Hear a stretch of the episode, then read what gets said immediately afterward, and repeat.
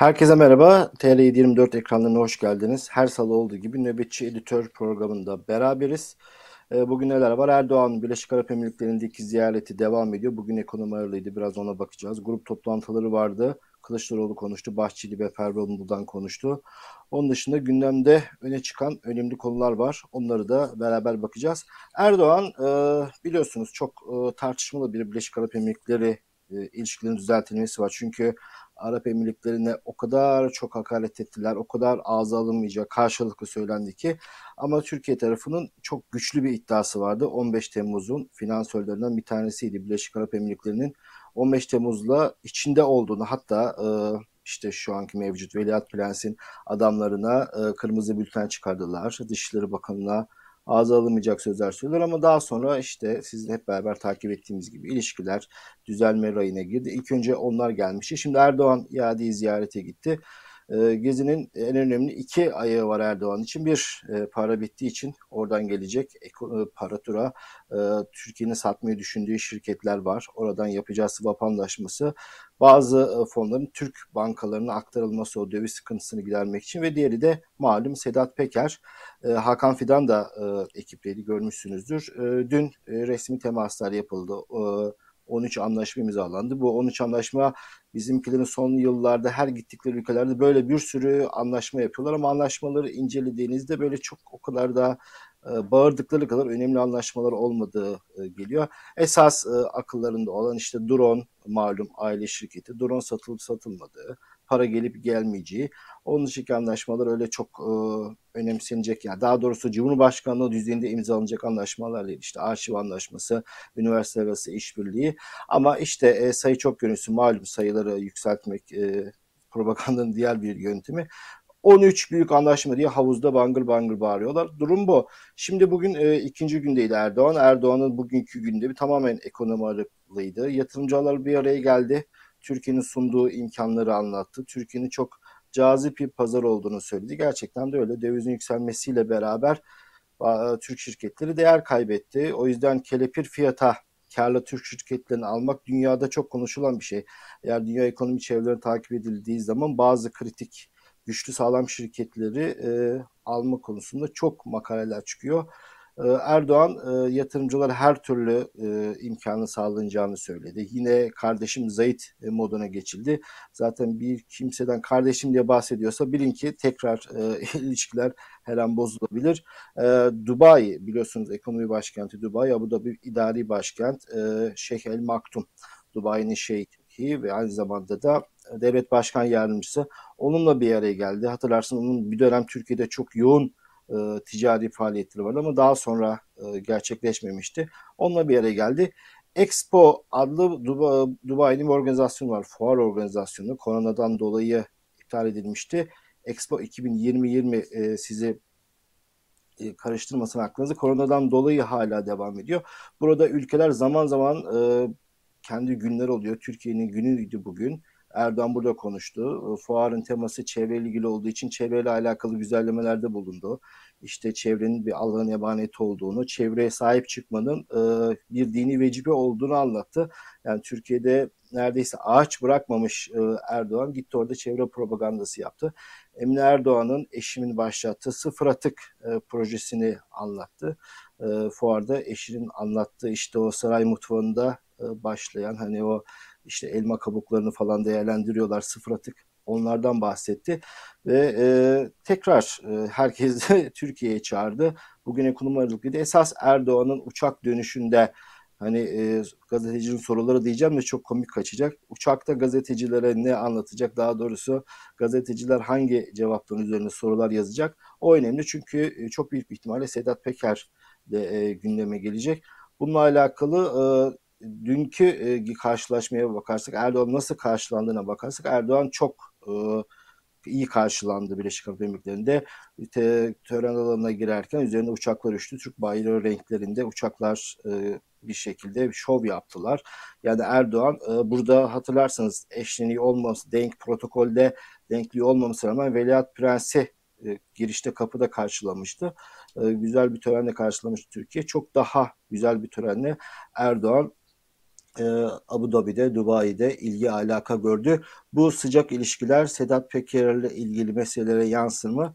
Bunu hep birlikte göreceğiz. Bununla alakalı e, şu ana kadar sızan bilgiler yok ama e, çok sıcak bir gezi olduğunu e, söyleyebiliriz. Malum Türkiye uzun bir süredir sıkıntılar yaşadı. Körfez ülkeleriyle, Birleşik Arap Emirlikleri ve onun e, benzer diğer küçük ülkelerle ilişkileri düzeltti. Suudi Arabistan'la alakalı olarak e, Suudi Arabistan'ın buraya gelirsin bir şekilde özür dilersin diye malum Kaşıkçı cinayeti Suudi konsolosluğunda katledilen gazeteciyle alakalı Erdoğan ve AKP'liler çok uç şeyler söylemişlerdi.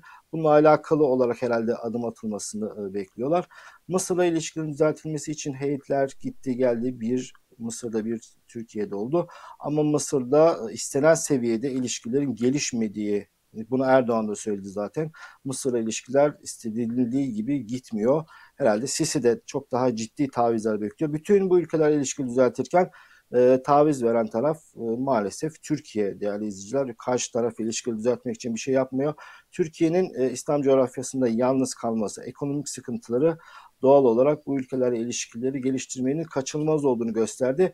Yani e, Müslüman lider ülke deyip hem Mısır'la hem Suudi Arabistan'la ki İslam dünyasının üç saç ayağıdır Türkiye, Mısır, Suudi Arabistan. Aynı anda hem Mısır'la hem Suudi Arabistan'la kavga olmak hiç akıllı bir dış politika değildi. Bundan e, geri dönüyorlar ama tavizler vererek e, diğer bir argo tabirle tükürdüklerini yalayarak diyebiliriz. Evet şu anda görüldü. 15 Temmuz'un finansörü dedikleri TRT dizilerinde işte o MIT'in e, desteğiyle çekilen teşkilat dizisinde Birleşik Arap Emirlikleri ile e, kötü insanlar e, birinci sezondaydı. İlişkiler düzelmeye başlayınca o kötü kişileri öldürdüler. Yani televizyon dizilerine kadar soktukları bir propagandadan şimdi geriye dönüş var. Bakalım e, ama esas e, çoğumuzun merak ettiği konu Sedat Peker. E, genel olarak tahmin şu e, birkaç ihtimalden bahsediliyor. Birincisi böyle e, tipler Birleşik Arap Emirlikleri'nde çok var. Para baronları işte parasını kaynağı çok belli olmayan kişiler. E, zaten Dubai, Birleşik Arap Emirlikleri böyle bir yer. O yüzden e, Sedat Peker'in e, iade edilmesi diğer kişilerin kendilerini güvende hissetmemesine ve e, bir şekilde önlem almasına sebebiyet vereceği için bundan dolayı ihtimalin az olduğu düşünülüyor. İkincisi Sedat Peker'in e, anlattıklarıyla diğer ülkelerin istihbarat servislerinin de ilgi alanına girdiği, Almanya özellikle ve Amerika Birleşik Devletleri ismi zikrediliyor. Bunların da Birleşik Arap Emirlikleri'ne baskı yaparak iade edilmemesi konusunda telkinde bulundukları da yine kulislerde konuşuluyor. Bu işi yakından takip eden gazeteci arkadaşlarımız da bunları aktarıyorlar. O yüzden iade edilme zayıf ancak e, şu olabilir mi? Sedat Peker'e e, malum başka bir ülkeye gönderip e, en azından biz teslim etmedik. Başka gittiği ülkede e, başına Türkiye iade geldi yapabilirler mi? Yapabilirler. Devlet arası ilişkiler bazen e, böyle ilerliyor. Duygusal ilerlemiyor. Al gülüm ver gülüm. E, Erdoğan temasları buydu. Uçağı dört gözle bekliyoruz. Yine yarısından fazlasını tanımadığımız kişilerin e, neler konuştuğunu bakalım yakında e, biraz şey, yakında birazdan diyorum belki dönüşe daha geçmedi. Yakında duymuş oluruz. Bugün e, her salı genelde konuştuğumuz konulardan bir tanesi biliyorsunuz grup toplantıları. Bugün e, Kılıçdaroğlu, Bahçeli ve Pervin Buldan konuşmuştu. Önce e, Kılıçdaroğlu ile başlayalım. Kılıçdaroğlu'nun videosunu izleyelim. Üzerine konuşacağız. Bahçeli de bugün konuşmuş. Demiş ki örgütlerine Kılıçdaroğlu'na kandil gönderin. Gönderdiler. Çok güzel kandiller gelmiş. Teşekkür ederim. İl başkanlarına tabii. Teşekkür ederim. Onları partinin müzesine koyacağım. Elektrik zamlarını savunan Devlet Bahçeli'nin bana gönderdiği kandiller diye onları göstereceğim orada. Malum e, Kılıçdaroğlu faturaları ödemeyeceğim diye bir evinden video çekip paylaşmıştı. E, ta iktidar canından önce Bahçeli cevap vermişti. İşte e, sana il başkanlarına talimat veriyorum. Kendilerine kandil göndersinler. Bir de PKK ile Kandil atıf yaparak oraya da zaten çok yakışırız, yakışır diye söyledi. Kılıçdaroğlu buna cevap veriyor. Yollanan kandillerden sergi yapacakmış. Bu materyallerden sergi yapmak şu an Türkiye'de siyasetçilerin epey e, moda tutkusu. Malum e, Erdoğan da açılış yaptığı makaslardan bir sergi yapmıştım. O makaslar bu makaslar mıdır? Tabii e, kim bilir. E, kırtasiyeden alınmış makaslarla sergiler yaptılar. Erdoğan bir sergi daha yaptı. Sigarayı bıraktırdığını hani insanların cebinden sigarayı alıp tarihimize attırıyor ya. Yarısından fazlası belki de hepsi tekrar sigara içiyor. Onu da e, size söyleyebilirim ama ispatlayamam. İşte o sigaralardan da Erdoğan sergi yapmış. E şimdi Kılıçdaroğlu kandillerden sergi yapacakmış. Malum Bahçeli e, e, talimat vermişti. İl başkanlığı kandiller göndermişler. Ondan sergi yapacakmış. Kılıçdaroğlu faturalarla alakalı ödemeyeceğinin tekrar altını vurguladı. Milletin parasının çalındığını e, ve söylediği iki tane şartı vardı biliyorsunuz. Bir zamlar geri alınacak. Elektrikte KDV %1'e düşülecek ki büyük bir rahatlama sağlansın. Kılıçdaroğlu bu söylediklerini tekrar etti. Ayrıca Isparta'da biliyorsunuz günlerce elektrik kesilmişti. Çok acı bir olay da yaşanmıştı. Bir vatandaş donarak ölmüştü. Ee, onlara Spartalara seslendi. Ee, sözleşmelerdeki maddelerden bir tanesi. Uzun bir süre servisi verilmediğinde tazminat hakkınız var dedi. Mahkemeye verin dedi. Avukatlık masraflarını biz karşılayacağız dedi Kılıçdaroğlu. Medya sorunlarına değindi. Kapanan gazetelerden bahsetti. E, biliyorsunuz basın ilan kurumu e, Türkiye'de hala işte ihaleler, kadrolar vesaireler kağıt gazeteleri ilan veriyor. Bir şekilde kendi mecralarına para aktarma yolu olarak görüyorlar ama bu bütün faaliyet gösteren ulusal gazetelerin hakkı ama eğer muhalif yayın organıysanız bu imkandan faydalanamıyorsunuz. İşte Yeni Asya bunlardan faydalanamıyor. Evrensel Cumhuriyet faydalanamıyor. Bunlar e, gündeme geldi. E, malum bugün de gazeteci içeriye girdi. Birazdan ona da değineceğiz. Kılıçdaroğlu yine formundaydı. Bir süredir formunda. E, Kılıçdaroğlu'nun e, Bahçeli'ye söylediğini dinlemiştik. Bahçeli'nin de e, şimdi bir ilginç videosunu izleyeceğiz. Devlet Bahçeli zaman zaman işte dil suçmeleriyle, söyleyemedikleriyle, matematik formülleriyle kendinin dil sadece kendisini anlayabileceği şeyler anlatıyor. Bugün yine e, çok ilginç bir çıkarımda bulundu. Gerçekten büyük oyunu çözen, o gizli bağlantıları ortaya çıkaran çok ilginç şeyler anlattı. Kulak verelim. Fotoğraflar bütün gazetelerde, televizyonlarda var. Burada altı yuvarlak masa, altında HDP, onun HDP'nin ayakları altında Avrupa Konseyi, Amerika Birleşik Devletleri ve Avrupa Birliği var. Şimdi yuvarlak masa etrafında toplanmanın manası iyi anlaşılmıştır. Masa köşe dikdörtgen olsaydı dört ayağı olurdu. Kare olsaydı dört ayağı olurdu. Ama yuvarlak masa olunca ayak bir. O da gizli ayak. Yani HDP. Yani e, bunu yorumlamak istemiyorum değerli izninizle. Bahçeli yuvarlak ayak onun tek ayağı olur o da HDP diyor. Aslında e, bu tabii e, gülüp geçtiğimiz bir şey ama Bahçeli bugün önemli bir şey söyledi. Elektrik dağıtımı alakalı. Biliyorsunuz Türkiye'de elektrik dağıtım şirketlerinin çoğu beşli çete. E, Sabancı gibi böyle birkaç e, büyük holding de var ama esas beşli çete dağıtılıyor. Dağıtıyor elektriği. Bununla alakalı olarak e, düzene sağlanması için TEDAŞ'ın geri dönmesini ve elektrik dağıtımının devlet eliyle yapılmasını söyledi Bahçeli. Bu önemli bir çıkış. E, Beşiktaş'ı hedef aldı. Erdoğan'ın kasalarını hedef aldı. İlginç bir şey. E, bunu da notlarımız arasına ekleyelim. E, bugün e, diğer bir grup toplantısı olan dediğim gibi HDP'ydi. Bugün HDP'de Pervin Buldan konuştu eş genel başkan. Dönüşümlü konuşuyorlar. Bugün 15 Şubat Abdullah Öcalan'ın yakının Türkiye'ye getirildiği tarih. Çoğu e, haberlerde bununla ilgili söylediklerini bulamayacaksınız. Pervin Buldan bunu biliyorsunuz HDP canı bunu bir uluslararası komplo olarak nitelendiriyor. Komplonun işe yaramadığını söyledi ve onun dışında ekonomiyle alakalı e, meselelere girdi. Şu Erdoğan'ı kaldırıp hani bütün servetin bu yüzük var dediği o e, yalan olduğu defalarca ortaya çıkmış hadise var ama sembol rejimi sembol durumlarından bir tanesiydi. Hani Erdoğan'ın parmağındaki evlilik yüzünü gösterip tek servetin bu dediği hani bir dönem gece konduda kaldığı herkes gibi işte yerde yemek yedikleri o e, fakir görüntüler e, çok fazla konuşulmuştu. Pervin Buldan buna atıfla bakın neler demiş. Enerjiyi özelleştirerek beşli çeteye peşkeş çektiler. Onlar kar etsin diye 84 milyonun cebine, vergisine, alın terine göz diktiler. Evet bunların anlayışına göre 84 milyonun kaybetmesinin hiçbir önemi yoktur. Yeter ki beşli çeteleri hep kar etsin, hep kazansın. Evet, hanelere, iş yerine, esnafa gelen yüksek elektrik faturaları Cumhurbaşkanlığı hükümet sisteminin soygun ve haraç faturalarıdır. Herkes de bunu böyle bilsin. Evet, e, videoları karıştırdım. E, programdan önce yönetmenimize konuşmuştuk. Yüzsük videosu mu, beşli çeti mi? Ben beşli çeti yayınlayalım, üssüyü ben anlatırım demiştim. Videoları karıştırdım. Pervin Buldan e, bütün ülkeyi yüzsükleri haline getirdiler demişti. Özellikle hükümetin biliyorsunuz yastık altı altınları e, talep ettiği şey var. Yastık altınları ucağına gelin ekonomiye kazandıralım diye e, bazı projeleri vardı. Yani her şey bitti. İnsanların yastık altındaki yüzsüklerin altınlarına kadar düştünüz demişti eş genel başkan. Ee, değerli izleyicilerimiz e, bir sonraki haberimiz iki gündür e, çok büyük üzüntüyle takip ettiğimiz olayla alakalı. Nusret Muğla 86 yaşındaydı. Nusret amca o e, eli kelepçeli birazcık zor yürüdüğü fotoğrafla hafızalarımıza kazanmıştı. Bu dönemin sembollerinden biriydi o fotoğraf şu an ekrana geldi. Biliyorsunuz korona kaptı, karantina koşulunda hayatını kaybetti. Kendisi ayakkabıcılık yapıyordu.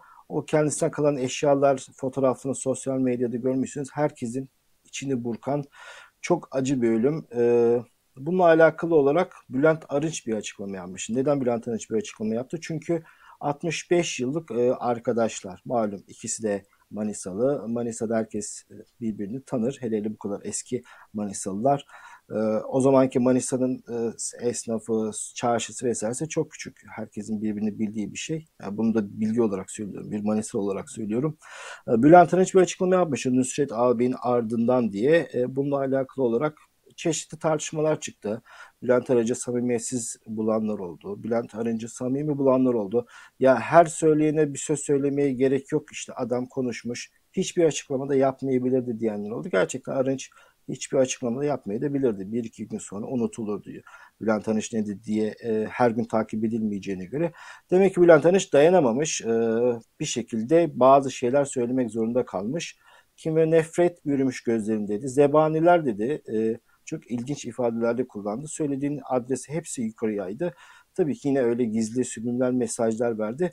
Bununla alakalı olarak acaba aile ne düşünüyor? Çünkü e, çok eski dostlar. E, bununla alakalı olarak Mustafa Sait, Nusret amcanın oğlu Medyaskop'a konuştu. Eğer o Medyaskop'a konuştuğu e, şeyi de ekrana getirebilir miyiz? O elimizin altında varsa. Öncelikle şunu başlayacağım. E, Medyaskop e, Nusret Muğla'yı sunarken FETÖ hükümlüsü diyor bir kere hükümlü falan değildi, tutukluydu. Herhangi bir ceza almamıştı. Alsa olacak. Yani e, bu mahkemeler nasıl karar verdiğini herkes biliyor. Yine o FETÖ demişler. E, dünyaca para fon alıyorsunuz. Bari adam gibi gazetecilik yapın diye insanın sonrası geliyor. Mustafa Said Bülent Arınç'la ilgili kısma cevap veriyor. Şu an ekrana geldi bakın. FETÖ hükümlüsü Nusret Muğla diyor. Yani Bunlar varken e, işte Erdoğan nasıl kazanıyor, nasıl seçim kazanıyor falan çok da şaşırmamak lazım. Diğer bütün işte o da TVC'de sözcüsüyle aynı e, kahpelikte verdi bu haberi. FETÖ hükümlüsü olarak bu hayatını kaybetmiş yaşlı insanın ardından terörist ne demek? Terörist demek. Terörist diye verdiler. İşte alın size terörist. Siz böyle bir terörist mi gördünüz? Neyse e, Oğul diyor ki e, babası tutuklandığında işte gözaltına alındığında Bülent Arıncı ara diyor 65 yıllık dostluğun e, karşılığı bu mu diye. E, Mustafa Said Bülent Arıcı an, arıyor. Babaları 84 yaşında, hapse girdiğinde 84 yaşındaydı. Dünyaları kararmış. Acaba en ulaşabildikleri üst düzey kişi Bülent Arınç acaba bir faydası olur mu, yardımı olur mu diye Arınç'ı anlatırken Arınç bunları kendi dertlerini anlatmış. Kendi uğraştığı sorunları anlatmış. Elinden bir şey gelmediğini, çaresiz olduğunu. Zaten damadıyla da ilgili hadiseler olduğunu, onlarla uğraştığını anlatmış. Ee, çok enteresan, e, şok olmuş Mustafa Said. Ee, ama e, bu bize çok öğretici bir ders oldu diyor. Bülent Arıcı'nın bu tavrına karşı da saygı duymuyorum dedi. Bülent Arıcı'nın açıklamayla alakalı saygı duymuyorum dedi. E, bu tartışmalar biraz hep devam edecek. Çünkü ne zaman böyle zulüm ile ilgili tepki gösterenler olduğunda hele hele çok cibilli AKP cenahındaysa e, benim şahsi görüşüm e, inanmak ayrı bir şey. Güvenmek ayrı bir şey. Zaten tekrar oy verme vesaire öyle bir muhabbet hiç e, yok ortada. Ama her konuşanı neticede Nusret Muğla'nın hadisi bir kez daha gündeme geliyor. Arınç'ın açıklamasıyla da gündeme geliyor. Burada Arınç açıklama yapmış yapmamasa da bile çok büyük bir olay var. 86 yaşında bir insan öldürüldü. Yani katili devlet, katili AKP rejimi, katili FETÖ FETÖ diye ülkede o korku iklimini oluşturanlar, o çılgınlığı, o ülkeyi tımarhaneye çevirenler ne kadar e, insan dahil varsa onlar katil. Olayın kendisi zaten çok büyük. Yoksa Bülent Arınç açıklama yapmış yapmamış çok ikincil meseleler. Ama aile beraber tanıştığı için işte oğlu anlatıyor. E, Arınçların evinin bahçesinde oynardık. Arınç'ın annesini çok severdik. Anne yani ne kadar yakın ilişkileri olduğunu anlatıyor. E, doğal olarak da e, bu kadar yakın arkadaşın ne dedi diye elbette tahmin edildi, merak edildi. Bu bu kadar. Bülent Arınç açıklama yapmış. Kimseye faydam olamadı diye. E, ama Arınç'ın söyledikleri üzerinden tartışmayı götürmek bence doğru değil. Burada çok daha büyük bir olay var. Aynı durumda olan bir sürü hasta var. Bir sürü yaşlı hasta insan hala aynı durumda. Onların tahliyesine belki bu vesile olmalı. İşte bu e, Nusret amcanın hayatını kaybetmiş olması diğerlerin hayatının kurtulmasına inşallah vesile olur diyelim. E, Birçok hem e, hizmetle iltisaklı hem de Kürt siyasi hareketinde bir sürü insan çok zor şartlarda e, sağlık sorunlarıyla cezaevinde işte Aysel Toluk hep gündemi geliyor. Demans olmuş. Hiçbir şey hatırlayamayan e, Aysel Toluk hala hapiste tutuluyor. Dileriz en kısa sürede tahliye olurlar. E, sağlık hizmetlerini evlerinde, hastanede rahat rahat alırlar. E, Bülent Arınç'a ilgili de oğlunun söyledikleri de buydu. Saygı duymuyorum. E, Nusret Molla tahliye olmadı, serbest bırakılmadı ama şöyle bir şey yapmış olsaydı serbest bırakılacaktı. Bir sonraki haberimiz bununla alakalı. Ee, Osman Çağlı diye bir kişi Belçika'da 2004 yılında dört kadını öldürmüş. Ee, iki tane ikisini öldürüyor. Daha sonra gidiyor arabaya atlıyor. Diğer iki kadını buluyor. Öldürüyor. Ve daha sonra başka bir e, iki kişiyi daha yaralıyor. iki erkeği yaralıyor. Ee, 2013 yılında Türkiye o iade anlaşmaları var biliyorsunuz. Cezanızı kendi e, ülkenizde çekebiliyorsunuz. 2013 yılında Türkiye iade edilmiş cezasını Türkiye'de çeksin diye 2019 yılında tahliye etmişler. Şartlı tahliye. Yani e, 4 kişinin katili şu an dışarıda. Belçikalılar şok. Tabii bu olay e, Belçikalılar öğrenmiş. Türkiye'den açıklama istemişler, izahat istemişler. Nasıl oluyor? 4 kişinin katili cezasını kalanını çeksin diye yolladık. Ee, Türkiye hukuk sisteminden kaynaklı söyleyen uzmanlar var. Cezanızın 5'te eksini çekince Türkiye'de tahliye oluyorsunuz. Ee, sistemin sorunu olduğunu söyleyenler var. Belçikalı gazeteciler bu şahsa ulaşmış. Şu an 63 yaşında. Şu an Türkiye'de Türkiye'nin tadını çıkarıyorum. Deniz'in tadını çıkarıyorum. Yakında bir oğlum olacak. Beni rahatsız etmeyin artık demiş. Ee, eğer dört kişinin katili olursanız bir şekilde tahliye oluyorsunuz. Bu bugünün önemli haberlerinden bir tanesiydi. Ee, çok konuşulan Z kuşağı gençler umutsuzlukla alakalı bir araştırma yayınlandı. Alman Konrad Adenauer e, Vakfı'nın yapmış olduğu bir araştırma. Gençlerle yüz yüze görüşmüşler.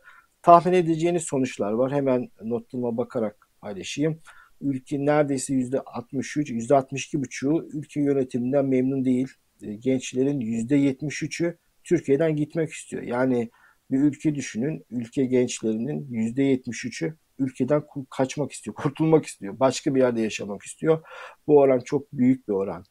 Ee, bir de e, gençlerin en fazla sevdiği muhalefet lideri Mansur Yavaş'mış. Bu bahsettiğimiz gençler grubu işte 1995-2015 arası kabul ediliyor. Türkiye'nin %40'ına tekabül ediyor. %40'ının e, cevapları bunlar. Yüz yüze yapılan görüşmelerde.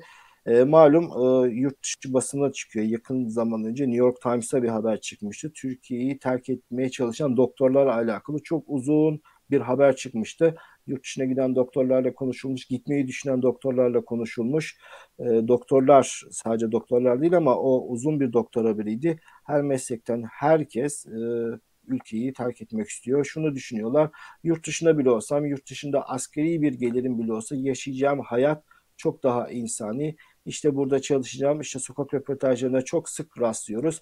Aldığım maaşın işte yarısını kiraya vereceğim. İşte yarısı taksitlere, faturalara, elektriğe, suya kalan para hiçbir şey kalmayacak ve ben bütün ay hiçbir şey paramın kalmaması için sadece e, yaşamış olmak için çalışacağım. E, tabii hiç kimse böyle bir şey istemiyor. Bunu yaşamak istemiyor. E, yurt dışına gitsem çok zor şartlarda, askeri şartlarda da çalışsam e, çok daha insani bir hayat yaşarım diyenler var. E, ben bir doktorun videosunu görmüşüm. Bir restoranda çalışıyormuş. İnanın çok daha mutluyum diye bir video çekmiş. Çok acı tabii. Bir de e, Meriç Nehri'ni kaçarak bu ülkedeki o baskıcı rejimden kaçanlar var ki e, düşünebiliyor musunuz? Çok tehlikeli bir olacak. Hele hele bu mevsimde nehrin e, çok daha tehlikeli olduğu ya da adalardan kaçıldığında ne kadar çok hayatını kaybeden insanın haberini yaptık hatırlarsınız. Bunu göze alarak insanlar ülkeden çıkıyor. İşte ülkenin diyor geldiği kabus bu. İnsanlar ölüm pahasını bile göze alarak ülkeden çıkmaya çalışıyorlar. Gençler gitmeye çalışıyor.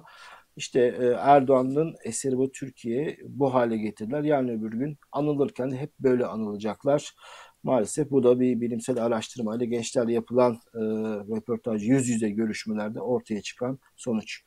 Bu tımarhaneden yine deli e, saçması başka bir haberle e, devam edelim. Bir spor haberi ama e, bir anda siyasi boyut kazandı. Şimdi dün akşam e, Adana Demirspor'la Beşiktaş'ın karşılaşması vardı. Adana Demirspor'un son dakika 1-0 mağluptu. 1-1 yaptı. Son dakika bir gol daha attı. E, 2-1 iken e, Adana Demirspor'un golü vardı. iptal oldu. Daha önce başka iptal edilen golü de var. E, Adana Demirspor'un başkanı Murat Sancak. Bu Ethem Sancak var ya Erdoğan'ın adamlarından hani Erdoğan aşığım diyen adı Şemsiye çıkmış. Onun e, yeğeni herkes oldu diye biliyor çıktı normal hakemlerden varyans ederken daha sonra televizyon kanallarına konuştu ve Hakan Şükür aleyhine konuşmaya başladı. Çok çirkin böyle e, burada tekrar etmeyeceğim. Hakan Şükür'le alakalı çok çirkin şeyler söyledi ve e, Hakan Şükür de cevap verdi. E, dedi işte ağ babalarından bahsetti. Hepimizin hesapları incelensin dedi. Bakalım kimmiş hain, kim değilmiş hırsızlıkları gördükten sonra yolları ayırdığını söyledi. Hakan Şükür'le alakalı saçma sapan iddialar vardı. Hakemleri etkiliyor diye, menajerler diye hiç ispatlayamayacağı deli saçma şeyler söyledi. Hakan Şükür bununla alakalı da e, çok güzel cevaplar verdi.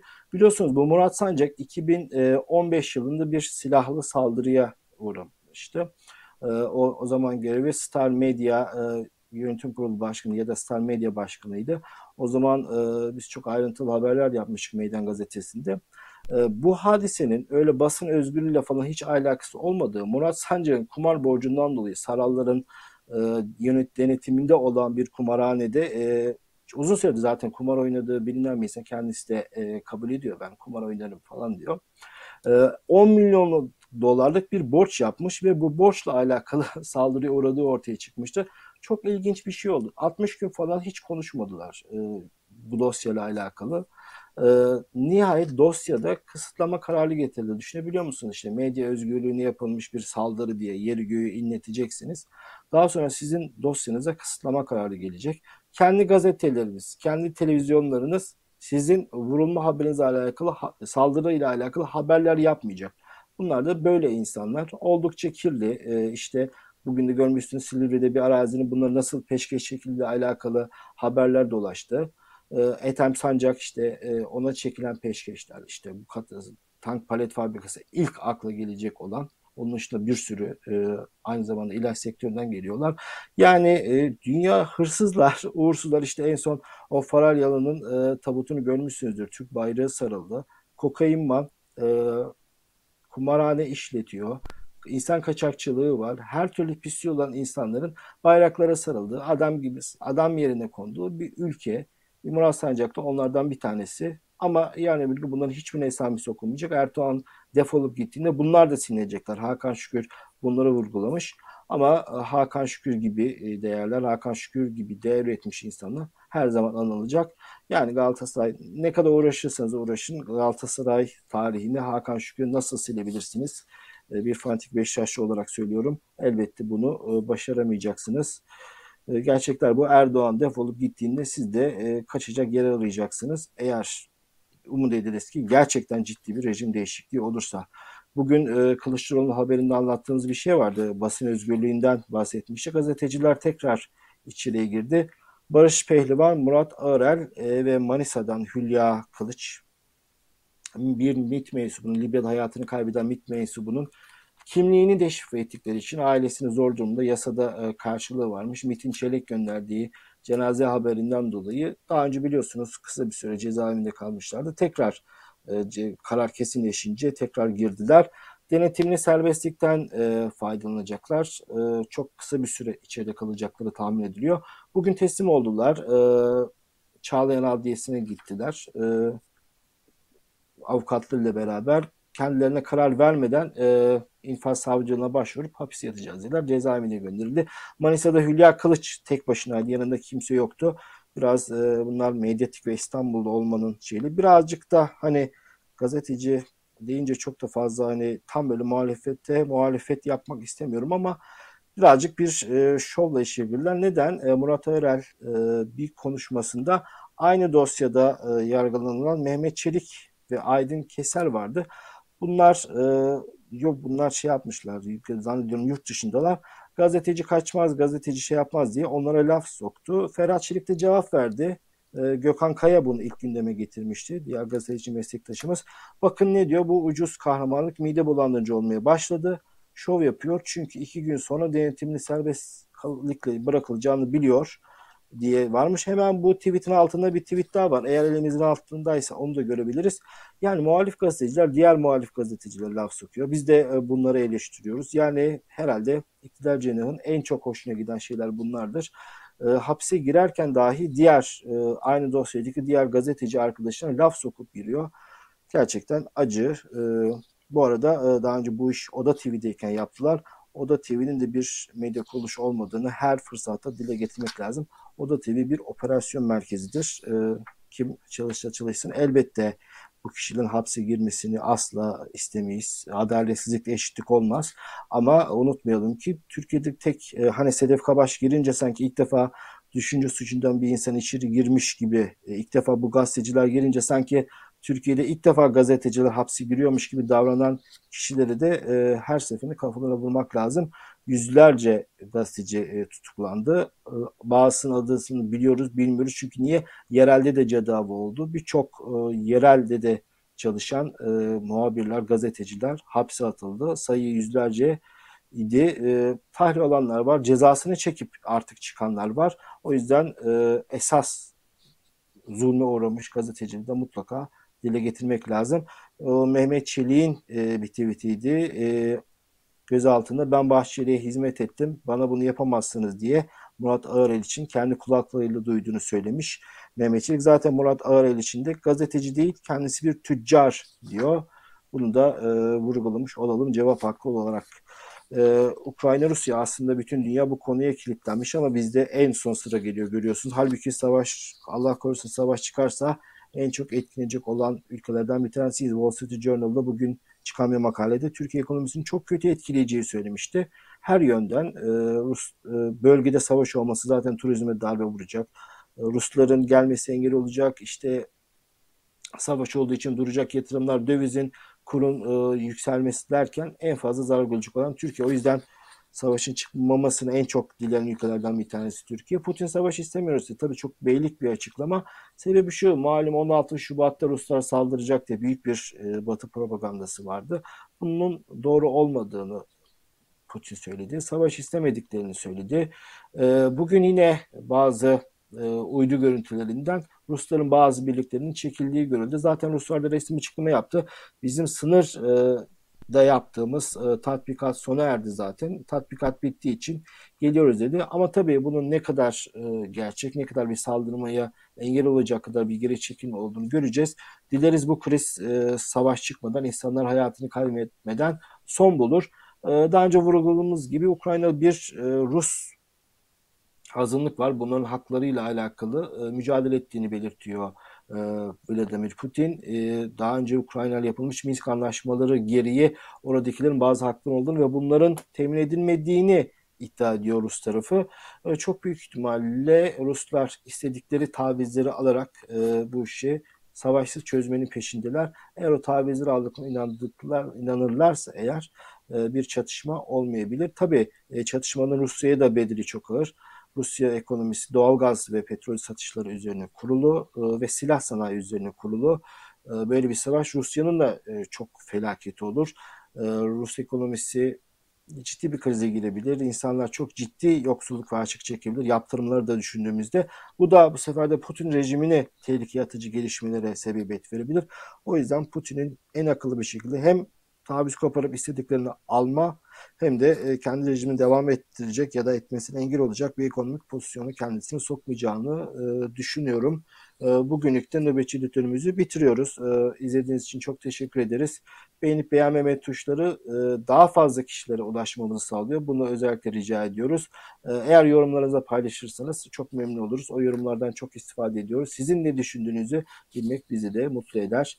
Yarın Bülent Korucu sizlerle birlikte olacak. Görüşmek üzere.